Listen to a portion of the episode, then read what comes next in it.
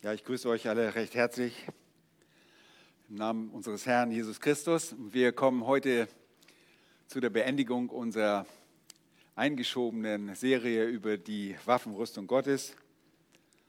Bevor wir uns den Text noch einmal vor Augen führen, lasst uns noch den Herrn um seine Hilfe bitten.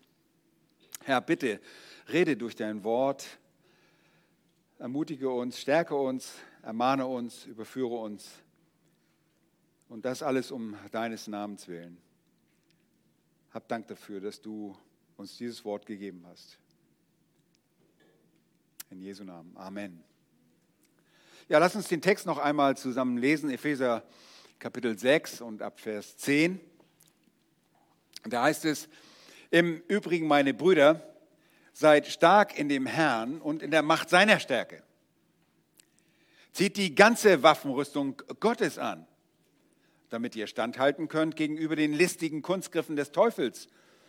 Denn unser Kampf richtet sich nicht gegen Fleisch und Blut, sondern gegen die Herrschaften, gegen die Gewalten, gegen die Weltbeherrscher der Finsternis dieser Weltzeit, gegen die geistlichen Mächte der Bosheit in den himmlischen Regionen. Deshalb ergreift die ganze Waffenrüstung Gottes, damit ihr am bösen Tag widerstehen und nachdem ihr alles wohl ausgerichtet habt, euch behaupten könnt.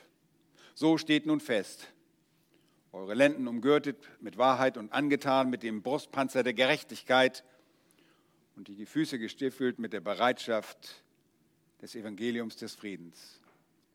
Vor allem aber ergreift den Schild des Glaubens, mit dem ihr alle feurigen Pfeile des Bösen auslöschen könnt. Und nehmt auch den Helm des Heils und das Schwert des Geistes, welches das Wort Gottes ist, indem ihr zu jeder Zeit betet mit allem Gebet und Flehen im Geist und wacht zu diesem Zweck in aller Ausdauer und Fürbitte für alle Heiligen. Soweit erst einmal. Dieser wunderbare Brief beginnt mit der Tatsache, dass wir jede geistliche Segnung in den himmlischen Regionen empfangen haben. Und hier in Kapitel 6 ist es genau derselbe Bereich, die himmlischen Regionen, aus denen auch unser Feind, unser Gegner kommt. Und das bedeutet, wir wurden mit übernatürlichen geistlichen Vorzügen gesegnet, aber wir stehen auch einem übernatürlichen geistlichen Feind gegenüber. Und genau dafür müssen wir gerüstet sein, so wie wir es im Laufe dieser Serie auch gelernt haben. Aber wir sind noch nicht fertig. Denn es gibt noch ein abschließendes und alles durchdringendes Element unserer Rüstung, das in Vers 18 erwähnt wird. Und da heißt es nochmals, indem ihr zu jeder Zeit betet, mit allem Gebet und Flehen im Geist und wacht zu diesem Zweck in aller Ausdauer und Fürbitte für alle Heiligen. Das abschließende Element der Waffe des Gläubigen ist das Gebet. Vielleicht habt auch ihr einmal die Pilgerreise, diese große klassische Allegorie von John Bunyan gelesen. Ich habe es nochmal nachgeschlagen. Dort lesen wir von Christ, das ist dem, der Pilger auf der Reise, dass er im Tal der Demut und Todesschatten so überwältigt wurde, dass er nur noch die Waffe des anhaltenden Gebetes ergreifen konnte und diese ihn rettete. Sie wurde ihm, so wie auch uns, gegeben und sie kommt allen zugute, wenn alles andere versagt. Und das ist gewissermaßen eine Reflexion dessen, was Lukas Kapitel 18, Vers 1 lehrt, wo der Herr Jesus sagt, dass die Menschen alle Zeit beten und nicht nachlässig werden sollten, egal wie schwierig die Herausforderungen auch sind, wie furchterregend der Feind, egal wie schwer der Sieg. Sie sollten immer beten und nicht nachlässig werden. Und das sind wirklich nur zwei Optionen. Entweder könnt ihr beten oder ihr könnt nachlässig sein. Was anderes gibt es nicht. Und diese Anweisung ist eine wichtige Grundlage im Leben eines jeden Gläubigen. Und wenn es um die Waffenrüstung des Christen geht, ist das gewissermaßen der Höhepunkt und so kommt es hier am Ende. Und es durchdringt alles. Das Gesamtbild endet hier mit einem Aufruf zum Gebet. Aber es ist nicht wirklich nur das Ende von der Waffenrüstung Gottes, sondern es ist das Ende des gesamten Epheserbriefes. Alles, was den Versen 19 und 20 noch folgt, gehört zu dem Gebetsinhalt und dann folgen noch ein paar kleine Worte zum Abschied. Aber dieser Brief, der in Kapitel 1 mit einer so großartigen theologischen Aussage beginnt, wahrscheinlich die großartigste, die die Schrift hat, beginnt in, mit der Tatsache, dass wir verherrlicht und erhoben werden in die himmlischen Regionen, aus denen jeder Segen stammt. Und dieser Brief, von dem man behaupten könnte, er beginne in den Höhen, endet hier also am Ende des Epheserbriefes auf den Knien. Und es ist wichtig, die größeren Zusammenhänge zu begreifen, um die Bedeutung des Gebets zu verstehen. Ihr Lieben, das ist immer von zentraler Bedeutung, dass wir den Kerngedanken des Epheserbriefes verstehen, wenn wir zum Abschluss kommen, nicht nur diesen Text isoliert sehen. Nun, das jetzt zu vermitteln, ist nicht ganz einfach. Es sind fast 20 Jahre her, dass ich den Epheserbrief hier in der Gemeinde mal gelehrt habe. Es wird mal wieder Zeit. Wir haben zwischendurch mal wieder darauf Bezug genommen. Aber äh, ich möchte euch das ganz kurz sagen. Lasst uns einmal zu Kapitel 1 gehen. Ihr habt die Bibel hoffentlich aufgeschlagen vor euch, denn das ist der Kontext, in dem wir das Gebet verstehen müssen.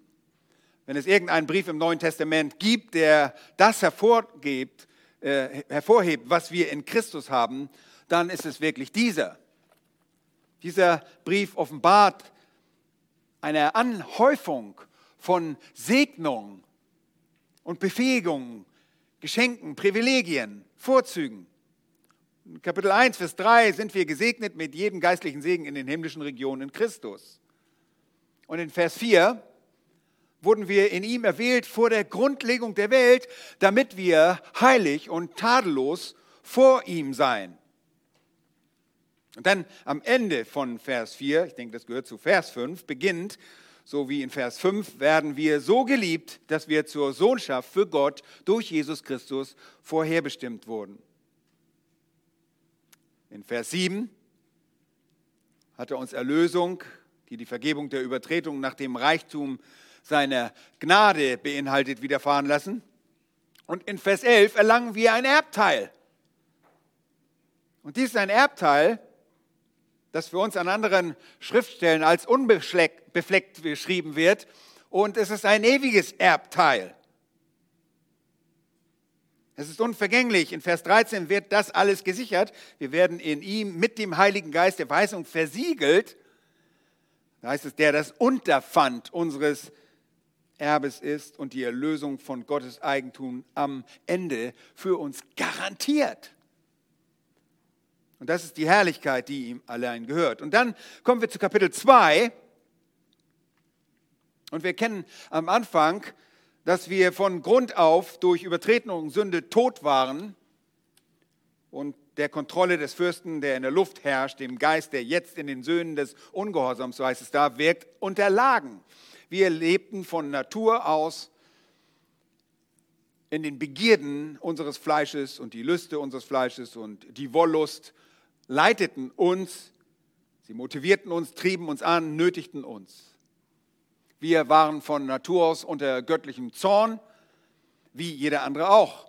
Aber in Vers 4 lesen wir dann, ein wunderbarer Wechsel, da heißt es, Gott aber, der reich ist an Erbarmen, hat um seiner großen Liebe willen, mit der er uns geliebt hat, auch uns, die wir tot waren, durch die Übertretung mit dem Christus lebendig gemacht und mitversetzt in die himmlischen Regionen in Christus Jesus. Und wir sind jetzt lebendig und wir werden für immer leben. Wir sind Objekte der Gnade und werden es immer sein. Und in Vers 7 lesen wir, dass Gott uns den überschwänglichen Reichtum seiner Gnade in Güte in Christus Jesus an uns erweisen wird. Und wisst ihr was? Das nicht nur in diesem Zeitalter, sondern auch in den kommenden Zeitaltern, in allen Weltzeiten. Wir werden seine Gnade auf ewig empfangen. Und Vers 10 besagt, dass wir sein Meisterwerk sind. Wir sind seine Schöpfung geschaffen in Christus Jesus zu guten Werken, die er selbst zuvor bereitet hat, dass wir darin wandeln sollen. Und das alles von Anbeginn an. Laut Vers 13 und den folgenden Versen sind wir, die wir einst fern waren, fern nämlich von Gott, nahegebracht worden. Wir sind nahegebracht, wir sind auch einander nahegebracht worden. Äh, sowohl Juden als auch Heiden, Heiden wurden vereint. Eins waren wir äh, von den Juden getrennt. Aber die Barrieren zwischen beiden sind niedergerissen und sind in dem Fleisch, in, den Tod unseres, in dem Kreuzestod unseres Herrn Jesus Christus aufgehoben worden. Wir sind Mitglieder seiner Familie geworden. Vers 19, wir sind Gottes Haushalt, wir sind laut Vers 22 ein Gebäude Gottes im Geist, also für den Geist Gottes. Wunderbare Wahrheiten. Dann Kapitel 3. Gibt es viele weitere Elemente für die Glückseligkeit, die wir empfangen haben, Miterben, mit zum Leib gehörige, Mitteilhaber der Verheißung in Christus Jesus durch das Evangelium. Wir sind Teil der mannigfaltigen Weisheit Gottes geworden, die Gott demonstrieren möchte gegenüber der unsichtbaren Welt, gegenüber den heiligen und unheiligen Engeln soll sie durch die, diese Weisheit soll bekannt gemacht werden. In Kapitel 3 endet mit einem Gebet, dass wir den Reichtum seiner Herrlichkeit verstehen mögen. Lieben, das kann so alles an uns jetzt vorbei rauschen und sagen, ah, ich kann gar nicht so viel aufnehmen. Das ist, wenn wir uns nicht damit beschäftigen, wenn wir nicht in diesen Texten sind, dann geht es an uns vorbei wie ein Wind. Aber es endet alles damit, mit diesem Gebet, dass wir diesen Reichtum seiner Herrlichkeit verstehen mögen, dass wir durch seinen Geist mit Kraft gestärkt werden mögen am inneren Menschen und dass wir Christus in unserem eigenen Herzen erfahren mögen gewurzelt und gegründet in Liebe, die breit in uns gestreut ist. Und Paulus betet, dass wir mit allen Heiligen begreifen mögen, was die Breite und die Länge und die Tiefe und die Höhe sei und die Tiefe des Christus erkennen, die doch alle Erkenntnis übersteigt, damit wir erfüllt würden bis zur ganzen Fülle Gottes. Es geht einfach darum, dass wir die ganze Fülle Gottes erfahren, dass wir wissen, was es bedeutet, dass Gott über die Maßen mehr zu tun vermag, als wir bitten und verstehen, gemäß der Kraft, die nicht außerhalb von uns, sondern in uns wirkt, sodass Gott durch seine Gemeinde verherrlicht wird, durch seinen Leib. Und das sind nur einige der Aussagen in den ersten drei Kapiteln, die uns verdeutlichen, wer wir in Christus sind was es bedeutet, ein Christ zu sein. Und es ist einfach wunderbar. Es ist hoch und tief und weit. Und so wird, wird es beschrieben. Dann ab Kapitel 4 werden wir dann aufgefordert, entsprechend dieser Berufung zu handeln. Da wir den Sohn Gottes und den Geist Gottes haben und eine Beziehung mit Gott, dem Vater, da wir zum Leib gehören, zum Leib Christi, da wir in der Gemeinde sind und der Anweisung und Leiterschaft der Apostel unterstehen, der Propheten und der Evangelisten und Hirten, Lehrer, die von der Gemeinde für die Vervollkommnung der Heiligung abgestellt werden, da wir all diese Dinge für uns haben und in uns wirken, da wir gemeinsam in unserer Christusähnlichkeit wachsen, ihr Lieben, müssen wir laut Vers 17 sicher gehen, dass wir nicht mehr so leben und wandeln, wie wir es einst taten. Denn laut Vers 20 haben wir Christus kennengelernt und sind in der Wahrheit gelehrt worden. Vers 21 und haben unseren alten Menschen mit allen Gelüsten und seiner Verderbtheit abgelegt. Vers 22, wieder eine christliche Modenschau. Also, wir müssen uns beständig im Geist unserer Gesinnung erneuern und den neuen Menschen der Gott entsprechend geschaffen ist, in wahrhaftig haftiger Gerechtigkeit und Heiligkeit vollständig anziehen. Nachdem spricht Paulus über sehr praktische Dinge, die wir tun sollen. Kapitel 5 sagt er, wir sollen Nachahmer Gottes sein. Und zwar als geliebte Kinder. Wir sollen in Liebe wandeln, gleich wie auch Christus uns geliebt hat. Und da in Vers 5 sagt er, ihr seid Licht in dem Herrn, wandelt als Kinder des Lichts. Vers 15, Kapitel 5. Und die folgenden besagen, seht nun darauf, wie ihr mit Sorgfalt wandelt, nicht als Unweise, sondern als Weise. Wir sollen also in Liebe wandeln, wir sollen in, äh, im Licht wandeln, wir sollen mit Sorgfalt wandeln, wir sollen voll Geistes wandeln. Vers 18, werdet immer wieder voll des Geistes, das ist der Gedanke da. Und wir haben die Kraft des Geistes für jede Beziehung, egal welcher Beziehung wir stehen. Wir haben in der Ehe, wir haben äh, in der Familie oder Arbeit, am Arbeitsplatz die Kraft dieses Geistes, des Geistes Gottes. Und schließlich gelangt er zu Kapitel 6 und äh, Vers 10 und da haben wir eine Waffenrüstung. Und nun, da wir all diese Dinge haben, wissen wir auch warum. Denn Kapitel 6 zeigt uns, wir haben einen wirklich furchteinflößenden Feind. Und deshalb müssen wir bewaffnet sein, um, zu, um diesen Feind zu besiegen. Und wir bekommen eine komplette Waffenrüstung zu all den Dingen, die wir bereits in den ersten fünf Kapiteln äh, erhalten haben. Erhalten wir diese Rüstung noch zusätzlich. Und all das, um uns vor den listigen Angriffen des Satans zu verteidigen. Und das Fazit ist, dass wir alle Dinge haben, die wir für das Leben in Gott, Gottesfürchtigkeit äh, brauchen und die von, für Gottesfürchtigkeit von Bedeutung sind. Es mangelt uns wirklich an nichts. Wenn wir darüber nachdenken, dann sind wir wirklich sehr beschenkt worden. Aber genau an diesem Punkt besteht ein potenzielles Problem. Wir könnten nämlich der Meinung sein, da wir all diese Dinge äh, besitzen, könnte es zu einer christlichen Vermessenheit oder Überheblichkeit kommen. Paulus drückt es einmal so aus im 1. Korintherbrief, Kapitel 10, Vers 12. Darum, wer meint, er stehe, der sehe zu, dass er nicht falle. Und wenn ihr dann in Epheser 6, Vers 17 angekommen seid, könnte der Eindruck der Unbesiegbarkeit entstanden sein, besonders wenn ihr den Text nur schnell überflogen habt. Dann sagt ihr, ha, mich könnt ihr mal, ich kann alles und ich werde den Satan immer besiegen. Der ihr jeden Segen habt, alle Kraft, alle Ressourcen, jede Gnade und der Sieg garantiert und der Triumph besiegelt ist und ihr den Geist als Siegel des, dieses endgültigen Triumphes und eines vollständigen Erbes habt, das für immer und sicher sein wird. Nun, das könnte uns dazu verleiten, zu denken, dass das für sich alleine schon genug wäre. Aber täuschen wir uns nicht. Wir haben uns schon so manches Mal getäuscht, oder? Täuschen wir uns nicht. Und ich erinnere nur, dass wir noch immer menschlich sind und für die Sünde noch immer anfällig bleiben und sind. Wir fallen noch immer den Grundsätzen der Lust des Fleisches, der Lust der Augen und dem Hochmut des Lebens zum Opfer.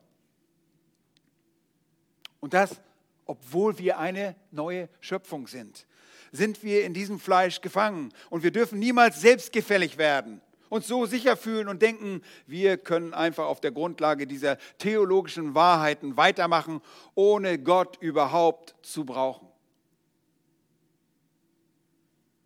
Große Gefahr. Schließlich und endlich, wenn alles an Ort und Stelle ist, nach all erhebenden Wahrheiten, bringt Vers 18 uns dennoch auf die Knie. Und da heißt es, nimm die gesamte Waffenrüstung, zieh sie an, bete zu jeder Zeit mit allem Gebet und Flehen im Geist. Und wir könnten wirklich geneigt sein, zu denken, dass es uns an nichts mangelt. Und das wäre falsch, weil wir sind immer noch voll abhängig von unserem Herrn. Wir alle sind und bleiben in diesem Leben verwundbar. Wir alle können fallen. Wir können gewaltig fallen. Und wir können der Sünde verfallen. Wir alle können und erleiden tatsächlich auf dem Weg der Nachfolge mit unseren Ausreißern Niederlagen. Das ist so. Wir können und entehren tatsächlich den Herrn gelegentlich und bringen Schande über seine Gemeinde. Wir können uns selbst in Fragen der Sünde und des Ungehorsams in dem Ausmaß verwunden, dass unser persönliches Zeugnis und unsere Gelegenheit für den Dienst und die Nützlichkeit für den Herrn zerstören. Wir können unsere ganze Freude einbüßen. Und das erleben wir immer wieder, oder? Dass wir lange Gesichter haben, anstatt freudig zu sein. Und Paulus sagt, am Ende müsst ihr erkennen, dass trotz all der Dinge, die so mächtig sind und die euch gegeben sind, die verbleibende Sünde so mächtig ist und Satan selbst noch eine gewaltige böse Kraft im Weltsystem ersonnen hat, dass ihr euch Gott ständig im Gebet ergeben müsst. Ihr müsst euch auf ihn verlassen. Und das ist eine nicht gleich erkennbare Gefahr, aber selbst als Christen, die wir gute Kenntnisse der biblischen Lehre haben, die wir ein recht effektives Verständnis der Grundlagen des christlichen Lebens haben und damit ein gewisses Ausmaß von Zufriedenheit erreicht haben, stehen in der Gefahr, Mangel an leidenschaftlicher und ständiger Abhängigkeit von Gott zu leben und zu haben.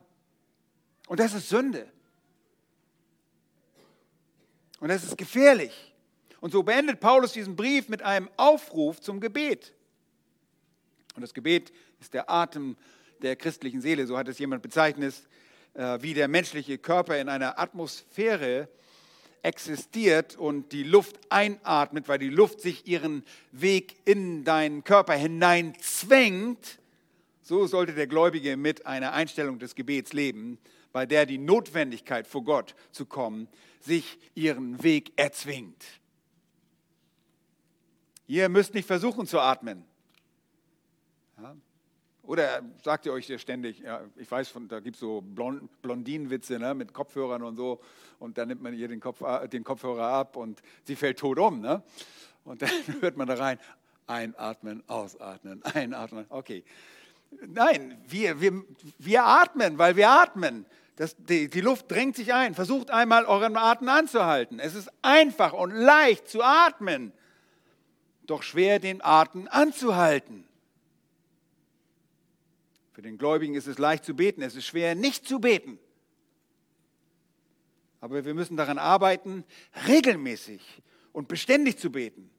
Denn das ist wirklich unsere Kommunikation. So atmen wir geistlich ein. Und wir mögen ein tiefes theologisches Verständnis haben. Und ihr Lieben, das brauchen wir auch. Aber wir müssen dazu geistliche Luft einatmen, die uns am Leben hält. Und der Christ bewahrt sich die Fülle des geistlichen Lebens nur, indem er beständig im Gebet zu Gott kommt. Alle von uns bewegen sich Tag ein und Tag aus in der Gegenwart unseres Gottes. Und deshalb ist das Atmen der Seele sehr wichtig, nämlich mit ihm zu sprechen, mit ihm zu kommunizieren. Und wenn ihr euch den Epheserbrief jetzt nur kurz angesehen habt und irgendwie bei Vers 18 landet, dann hat das unter Umständen nicht die gleiche Wirkung, als wenn ihr in der Lage wärt, alles zu verstehen, was ich euch heute Morgen oder heute Nachmittag gerade erzählt habe, äh, diese ganzen geistlichen Segnungen. Und das ist in mancher Hinsicht die Realität, in der das Buch gipfelt, in der das Buch gipfelt, und ohne ein Verständnis dessen, was davor kommt, begreift man das nicht so richtig. Ohne dieses Verständnis würdet ihr diese Aussage über das Beten vielleicht so behandeln, als äh, wäre das wie jede andere Aussage auch. Aber Gebete scheinen für viele Menschen einfach nur äh, Option zu sein, optional zu sein. Aber das sind sie nicht. Hier sind sie der Gipfel des Ganzen zusätzlich zu all dem anderen, samt eurer Segnung und der kompletten Waffenrüstung. Bete zu jeder Zeit. Und ihr Lieben, wir wollen uns jetzt kurz dieser Anweisung zuwenden. Wir wollen über die Elemente, die unter die Kategorie alles fallen. Und wenn ihr euch diesen Vers 18 nochmal anschaut, das kommt dort viermal das Wort alles oder alle Zeit vor, alle und alles. Ähm, die allumfassende Aspekte des Gebets wollen wir uns anschauen. Und da ist erstens die Häufigkeit des Gebets.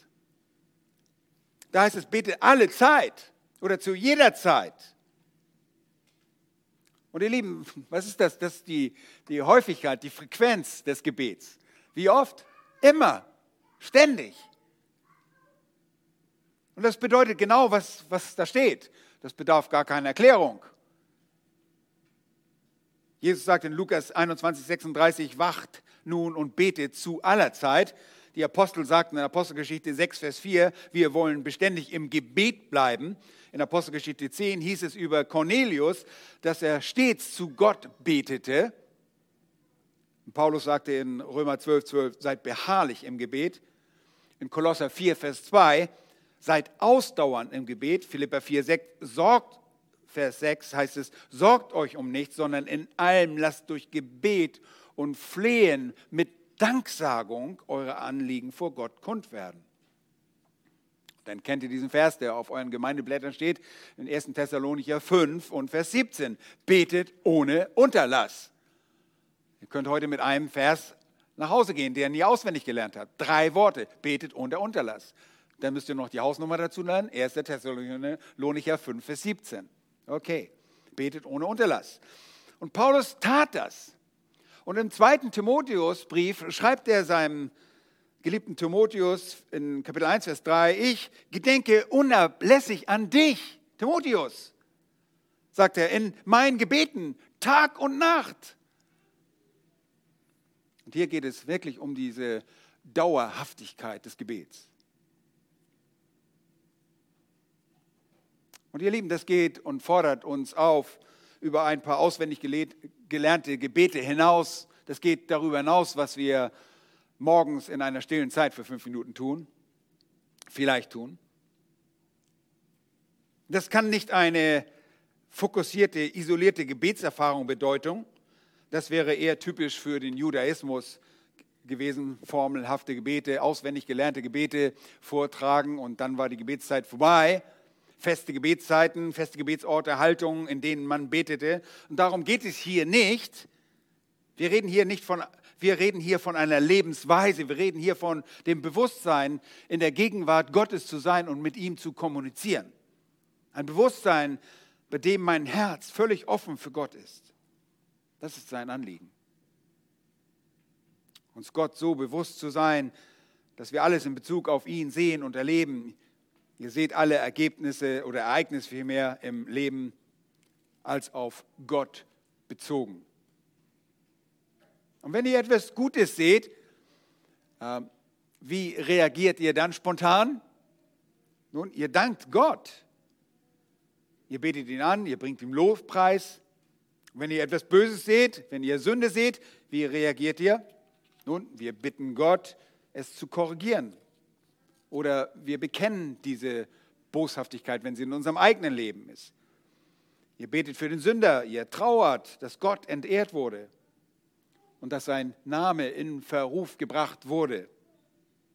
Und ihr bittet Gott, sich selbst zu äh, rehabilitieren und Gerechtigkeit herbeizuführen, wo es nur, zur, wo es nur Unzulänglichkeit gibt.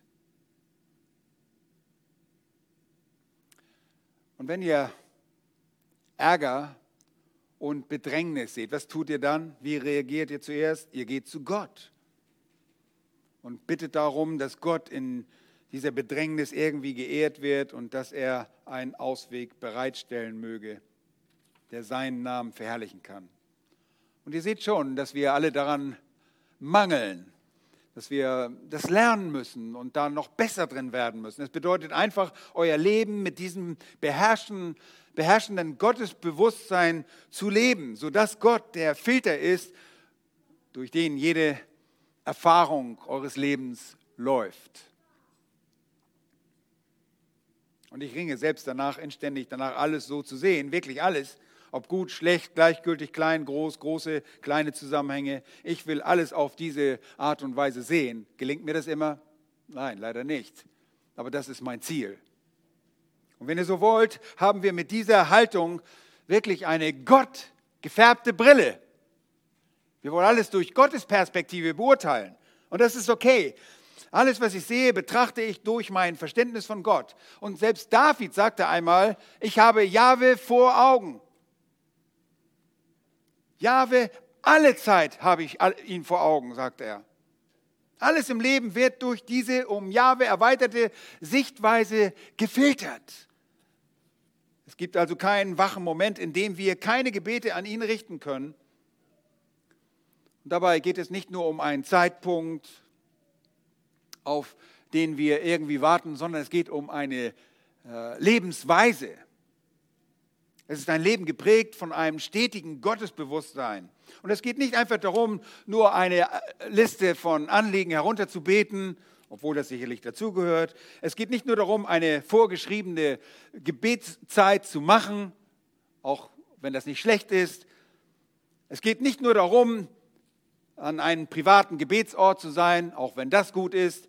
Es geht um viel mehr. Es geht darum, dass jede einzelne Sache in eurem Leben etwas ist, worüber ihr mit Gott redet. Über alles.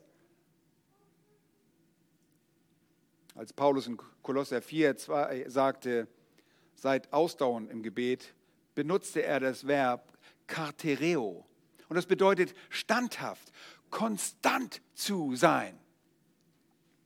Es ist dasselbe Verb, das in Hebräer 11, 27 für Mose verwendet wird, als er standhaft aushielt.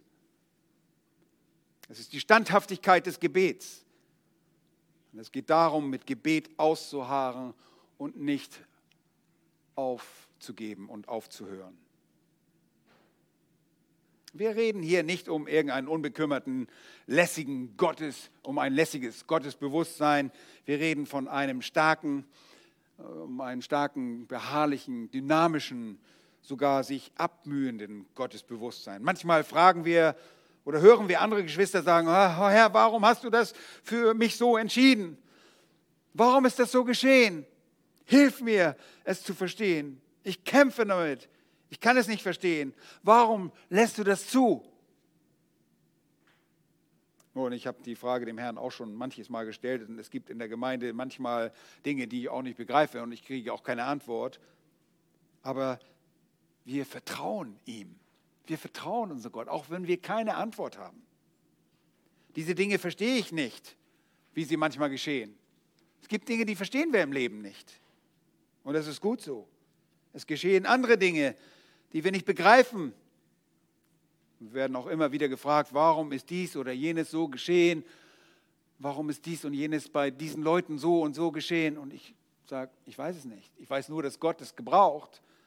Wie er das gemacht, das ist ihm überlassen und ich vertraue ihm.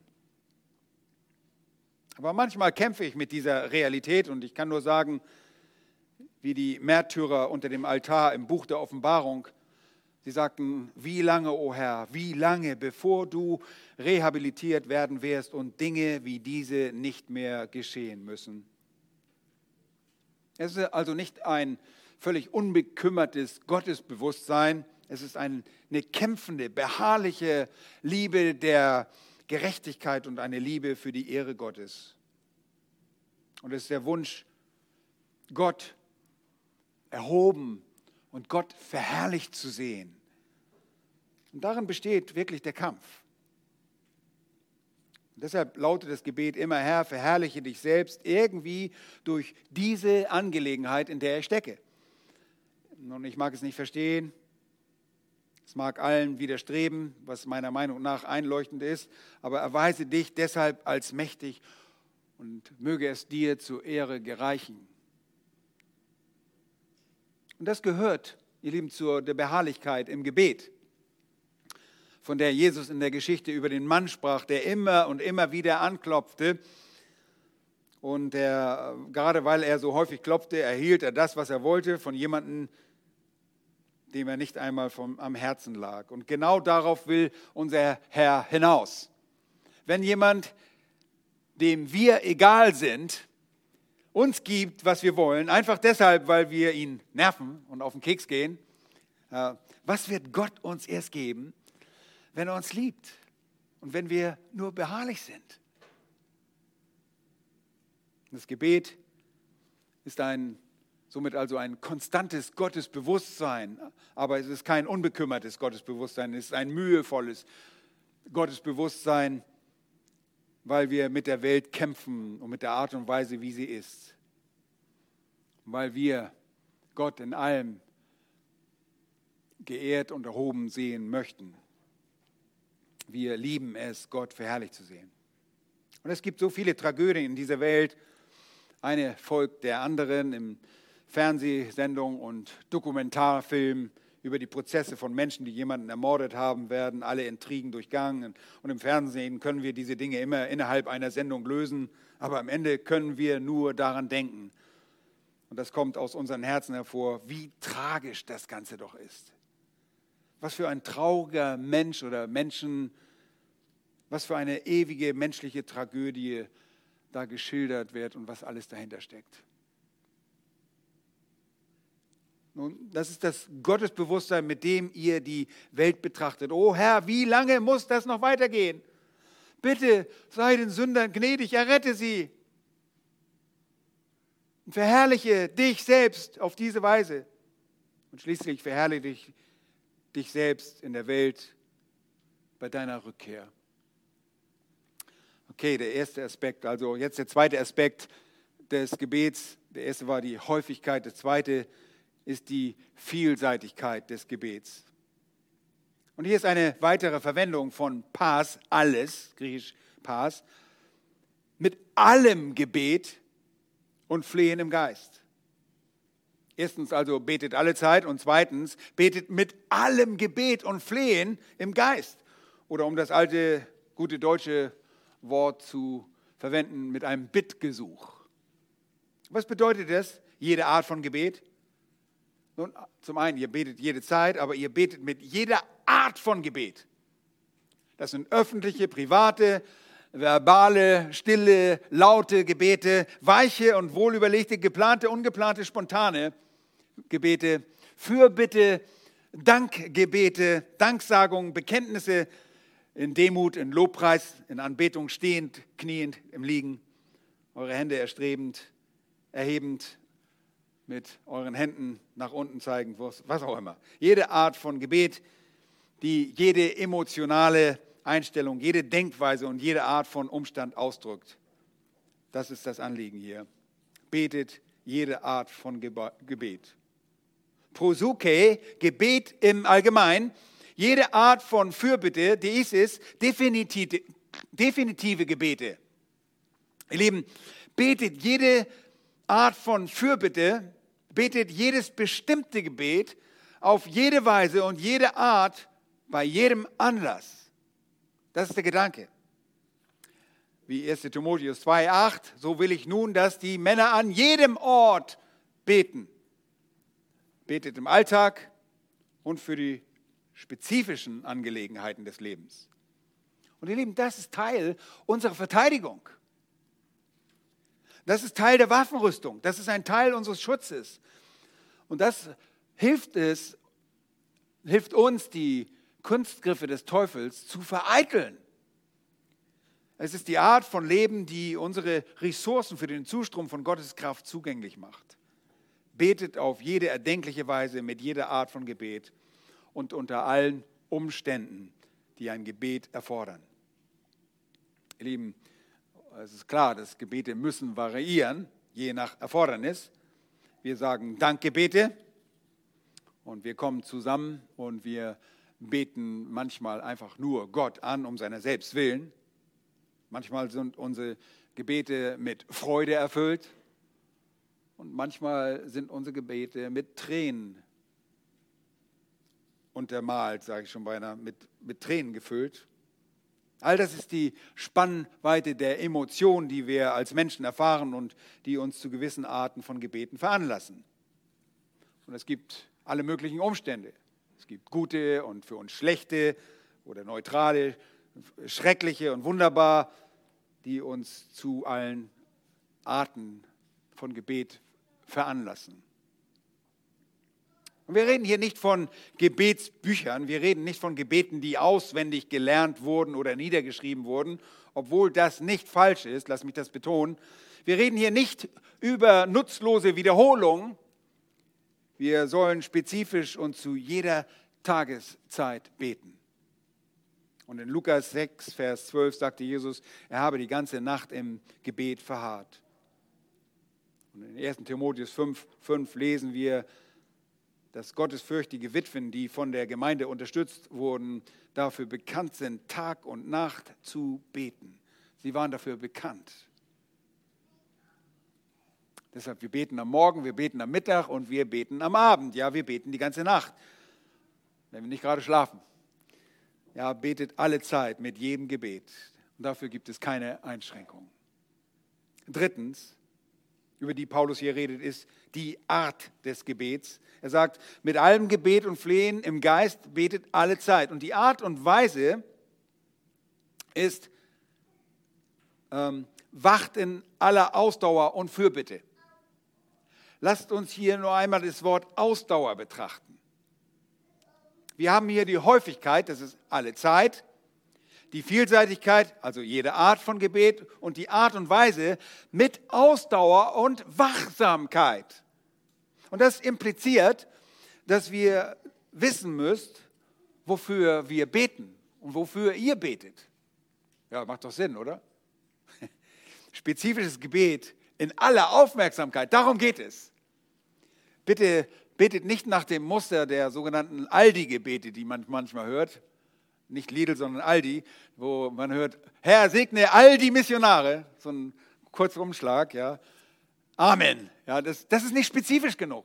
Damit bringen wir sogar unseren Gott in Verlegenheit. Wie soll er die beantworten? Segne all die Missionare? Amen? Welches Missionsfeld? Was meinst du? Nein, wir müssten äh, konkreter werden. Nicht einfach nur sagen, segne alle Botschafter auf der Welt. Ja, okay, toll. Nein, das ist nicht spezifisch genug. Findet etwas, wovor ihr beten könnt. Und haltet Ausschau. In Markus 13, 14 vielmehr, 38 sagte Jesus, wacht und betet. 1. Petrus 4, 7, seid nüchtern zum Gebet. Um unablässige Aufmerksamkeit, Umsicht, Wachsamkeit. Wähle dazu spezifische Details dann wird das Gebet auch nicht langweilig. Wenn du weißt, wofür du betest, nimmst du Anteil daran. Und das griechische Wort an dieser Stelle bedeutet intensives Engagement, Ausdauer. Passt also auf, seht zu, was vor sich geht, betet positiv und betet defensiv. wie geht das? Nun, das Gebet führe uns nicht in Versuchung, ist ein defensives Gebet. Und betet auch, dass Gott sich selbst verherrlichen und sein Reich offenbaren möge. Wir machen also weiter mit einer kontinuierlichen, standhaften, verzehrenden Beharrlichkeit in unseren Gebeten. Und ihr Lieben, die meisten Menschen beten nicht auf diese beharrliche Weise und wir können hier mit Sicherheit alle lernen. Denn was tun wir? Wir tendieren dazu, nur zu beten, wenn uns persönlich irgendeine Tragödie heimgesucht hat. Dann fangen wir an zu beten, oder? Dann geht es, dann können wir, das fällt uns richtig leicht. Aber dann tun wir es. Aber das zeugt in Wirklichkeit von einer Tendenz zum Egoismus. Wir verzehren uns nicht nach den Dingen, nach denen das Herz Christi sich verzehrt. Wir verzehren uns eher nach den Dingen, die uns betreffen. Oh, es betrifft mich, also muss ich ja beten. Lieben, wir verzehren uns weniger nach den Dingen, die andere betreffen.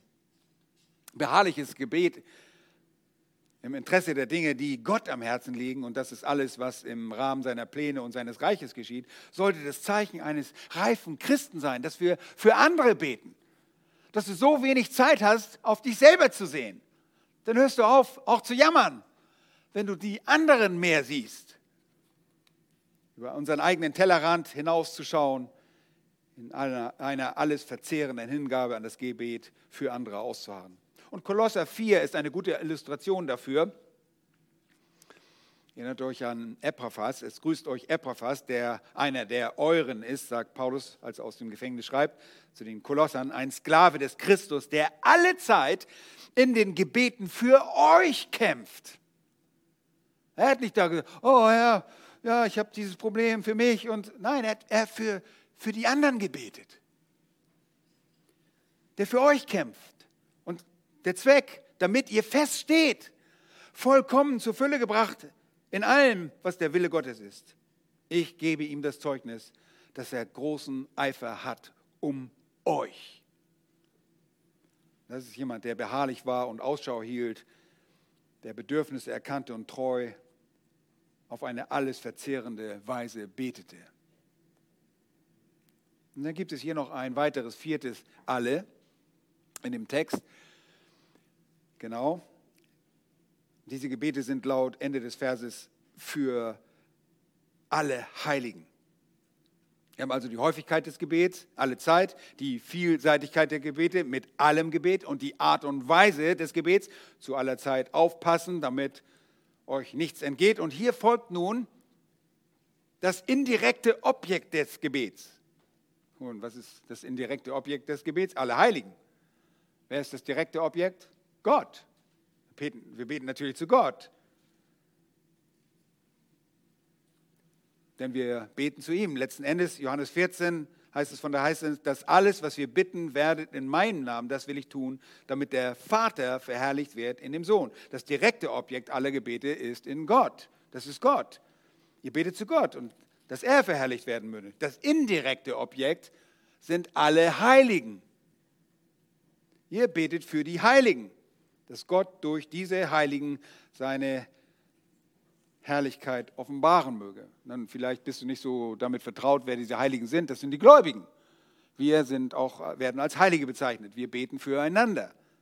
Wenn wir also Gott verherrlichen wollen, dann beten wir, Gott verherrliche dich selbst, indem du deine Macht offenbarst und deine Gnade, deine Barmherzigkeit, deine Weisheit, deine Wahrheit, indem du Gebete für diese Heiligen erhörst.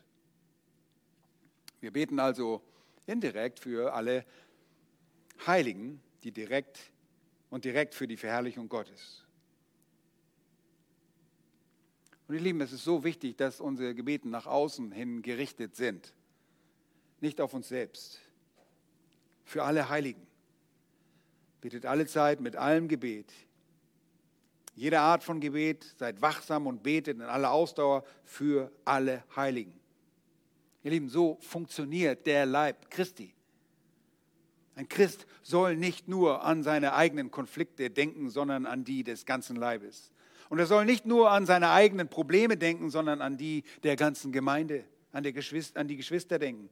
In gewisser Weise seid ihr sogar irgendwie gleichgültig gegenüber dem, was mit euch geschieht. Warum? Weil wir wollen letztlich das, was Gott mit uns vorhat, dass es Realität wird. Und wir sagen, Herr, was immer du mit meinem Leben tun musst, tu das bitte. Hilf mir, deine Herrlichkeit sehen, zu sehen, in den Dingen zu erkennen, die ich in meinem Leben nicht verstehe. Das ist die Gleichgültigkeit gegenüber uns selbst. Und dabei beten wir natürlich, führe uns nicht in Versuchung. Aber seht ihr selbst da, führe uns nicht in Versuchung. Da seht ihr schon den Plural. Natürlich sind wir darin eingeschossen, aber es ist ein größerer Kontext als nur ich selbst. Führe mich nicht in Versuchung, führe uns nicht in der Gemeinde, führe uns als Geschwister nicht in Versuchung. Wir sehen auch die anderen dabei. Und wir müssen begreifen, dass es unter anderem zur Aufgabe des Leibes gehört, füreinander zu beten. Und in diesem Brief, speziell in Kapitel 4, gibt es so viele wichtige Anweisungen über das Leben des Leibes Christi. Nun, wenn euer Körper verletzt ist, wenn euer Körper krank ist, kommen alle anderen Teile des Körpers zusammen, um das Kranke auszugleichen. Und wir kommen zusammen als Geschwister, um das Schwache zu verteidigen, für euch zu kämpfen, euch zu heilen, euch wiederherzustellen. So ist es mit dem Leib. Und wenn ein Glied etwas braucht, wenn ein Glied sich mit etwas quält und wenn andere Glieder sich mit etwas herumquälen, kommen wir an ihre Seite und bringen ihnen Heilung und Gnade und Barmherzigkeit. Und viel wichtiger noch, wir beten für diese Geschwister. Aber das ist nochmal ein anderes Thema, dass wir am Leib Jesu diese Verantwortung haben. Aber geht es darum, in den Gebeten immer von uns wegzusehen. Hier geht es darum, uns in den Gebeten für andere zu verzehren, nicht nur unsere eigenen Anliegen, nicht die Konzentration auf eigene Interessen zu richten. Und das ist so schwer. über unseren eigenen Tellerrand hinweg zu blicken, betet alle Zeit für alle Heiligen. Und inmitten von all dem gibt es noch eine weitere Aussage, die wir betrachten müssen. All das geschieht im Geist. Schaut mal. Im Geist, das geschieht im Geist und soll im Geist geschehen. Da ist die Vielseitigkeit des Gebets, das sind die ganzen Gebetszeiten, die Dinge, die uns zum Beten veranlassen und zum Ausharren zum Beten, für all die Heiligen, für die wir beten. Und all diese Gebete müssen im Geist geschehen. Und das ist im Neuen Testament übrigens ein sehr weit verbreitetes Prinzip. Äh, Judas 20 fordert Judas auf und sagt, ihr aber Geliebte, erbaut euch auf euren allerheiligsten Glauben und betet im Heiligen Geist. Wenn ihr wachsen und stark sein und siegen wollt, müsst ihr im Heiligen Geist beten. Alle Gebete müssen im Geist erfolgen. Und ihr Lieben, das bedeutet nicht, ich sage das zwar nicht mehr so gerne, aber das bedeutet nicht, wie die Charismatiker denken, dass man irgendwas in unverständlichen Zungen daher lallt und das nicht mal versteht und denkt, dass der Geist Gottes das ist. Das ist es nicht. Das ist damit nicht gemeint. Das ist in keiner Stelle in eine biblische Beschreibung des Betens im Geist. Was es tatsächlich bedeutet, ist, in Harmonie mit dem Heiligen Geist zu beten. Betet in Übereinstimmung mit dem Willen des Geistes. Und ein klares Verständnis dessen gewährleistet uns das achte Kapitel des Römerbriefes. Wir haben das gehört. Speziell Kapitel 8, Vers 26. Der Geist kommt uns in unseren Schwachheiten zu Hilfe, weil wir manchmal nicht wissen, wie wir beten sollen. Vertritt uns der Geist mit unaussprechlichen Seufzern. Und das ist nicht, wirklich, das ist nicht ein Gelalle und das ist nicht eine ekstatische Sprache, sondern das ist die intertrinitare Kommunikation, wo der Geist Gottes mit der, den anderen Personen der Gottheit kommuniziert, weil wir manchmal nicht genau wissen, wie wir beten sollen. Er übersetzt sozusagen unser Gebet. Es sind Dinge, die so kompliziert sind, dass wir unmöglich wissen könnten, worauf wir unsere äh, Gebete manchmal richten. Und da vertritt uns der Geist. Und wir wissen nicht immer, wofür wir beten sollen. Also tritt der Geist selbst ein für uns mit unaussprechlichen Seufzern. Und dann heißt es dort, Vers 27, der aber, der die Herzen, Herzen erforscht, das ist Gott, weiß, was das Trachten des Geistes ist. Würdet ihr glauben, dass der Geist weiß, wie er für euch beten soll? Scheint logisch zu sein, selbstverständlich. Ja, er ist allwissend. Und es ist bekannt, dass der Vater weiß, was ihr braucht und dass der Geist in perfekter Übereinstimmung mit dem Willen des Vaters betet. Vers 27, denn er tritt so für die Heiligen ein, wie es Gott entspricht, Gott gemäß. Wenn ihr also im Gebet, im Geist betet, dann ist das schlicht und einfach ein Gebet, das mit dem Verstand des Geistes und dem Willen Gottes vereinbar ist. Das ist nicht irgendetwas dummes Zeug, sondern es muss mit dem übereinstimmen, es muss im Willen des Geistes sein. Wir wissen nicht immer, was wir genau beten, aber wir wissen viel darüber, was das ist, weil Gott seinen Willen in seiner Schrift offenbart hat. Beten im Geist bedeutet einfach in perfekter Harmonie, in perfekter Übereinstimmung mit dem Verstand des Geistes und dem Willen Gottes zu beten. Und das ist ein wunderbares Konzept. Es hat nichts mit irgendeiner Art von unverständlichen Gelalle zu tun. Es ist der Heilige Geist, der für uns in perfekter Harmonie mit dem Willen des Vaters betet. Wir müssen also alle, für alle Dinge beten, von denen wir wissen, dass Gott sie will. Und unsere Tugend, unsere Heiligkeit, unsere Kraft, unsere geistliche Reife, unsere Nützlichkeit, unseren Dienst, unsere zunehmende Liebe für Christus ausdrücken im Gebet, in Übereinstimmung mit seinem Willen. Das sind die Dinge, für die der Geist betet, mit denen Gott übereinstimmt. Und unsere Gebete müssen mit seinem Willen vereinbar sein. Sacharja 12, Vers 10 nennt den Heiligen Geist den Geist der Gnade und des Gebets. Einer der oft übersehenen Dienste des Heiligen Geistes besteht darin, dass er derjenige ist, der für uns betet. Genau wie unser Herr Jesus Christus. Wir wissen, dass Jesus zur Rechten des Vaters sitzt und betet für uns als unser hoher Priester und der Heilige Geist ist in uns und betet für uns. Nun, wir müssen es also lernen, unsere Gebete in Einklang zu bringen und über das Banale und Alltägliche und über das Oberflächliche hinaus und die Gebete dem in Einklang zu bringen, von dem ihr wisst, was der Wille Gottes und das Verlangen des Heiligen Geistes ist. Seht ihr, und daran merkt ihr schon, dass viele Gebete einfach schon abfallen, weil ihr weder das beachtet, noch danach fragt, was der Wille Gottes ist. Irgendwelche selbstbezogenen Wünsche, die wir vor Gott bringen. Gib mir das, gib mir jenes. Nein, wir wollen, dass der Geist Gottes und Gott selbst geehrt werden. Wenn wir im Geist wandeln, beten wir also zum Beispiel für die Dinge, die sehr offenkundig sind. Das ist die Frucht des Geistes. Das ist Liebe, für Freude, für Friede, für Freundlichkeit, für Güte, für Treue, für Sanftmut, Selbstbeherrschung. Statt für irgendetwas Materielles zu beten, betet dafür, dass Gott euch Liebe oder Freude, Friede und Freundlichkeit, Güte, Treue, Sanftmut und Selbstbeherrschung gewähren möge. Und betet, dass ihr im Geist wandeln mögt und nicht die Lust des Fleisches vollbringt und nicht die Werke des Fleisches tut. Und es stimmt sogar, dass Galater 4 uns einen weiteren Einblick in den Dienst des Heiligen Geistes vermittelt. Und das ist wirklich wunderbar. Da heißt es, weil ihr nun Söhne seid, Vers 6, hat Gott den Geist seines Sohnes in eure Herzen gesandt. Und was sagt er? Der ruft, aber Vater. Das ist eine erstaunliche Aussage. Weil ihr Söhne seid, hat Gott seinen Heiligen Geist in euch platziert und aus euch heraus ruft er aber Vater.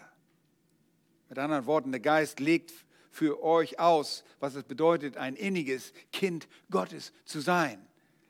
Er bittet innig um jene Dinge, die euch zustehen. Und Hildegard hätte gesagt, weil Gott euer Papa ist. Er hat oft gesagt, lieber Papa. Dieses innige Verhältnis. Das ist vom Geist Gottes getriebenes, vom Geist gelenktes Gebet. Paulus beendet diesen Brief mit einer praktischen Gelegenheit. Und das ist die Anwendung, diese Grundsätze des Gebets in die Tat umzusetzen. Und die Anwendung findet ihr in Vers 19. Was sagt er? Betet auch für mich. Loslegen. Paulus sagt, während wir schon dabei sind, über Gebete zu sprechen, wie steht es mit mir? Was wollte er? Wollte er Wohlstand? Betet für mein großes Haus? Nein. Irdischen Erfolg? Nein. Irgendwelche Ergebnisse? Nein. Er wollte einfach Gebete für sich selbst, damit mir das Wort gegeben werde, so oft ich meinen Mund auftue, freimütig das Geheimnis des Evangeliums bekannt zu machen. Welch nobles Gebet. Weiter ging er nicht und konnte er auch nicht gehen. Er konnte die Ergebnisse, die Auswirkungen nicht bestimmen. Er hat nicht gesagt, damit hier eine Megagemeinde entsteht, und es hier richtig rumhopst ja, und wir bekannt werden überall. Nein, betet einfach, dass die Wahrheit Gottes und die Herrlichkeit des Evangeliums freimütig bekannt gemacht werden möge, wenn ich meinen Mund öffne. Weiter kann kein Prediger gehen.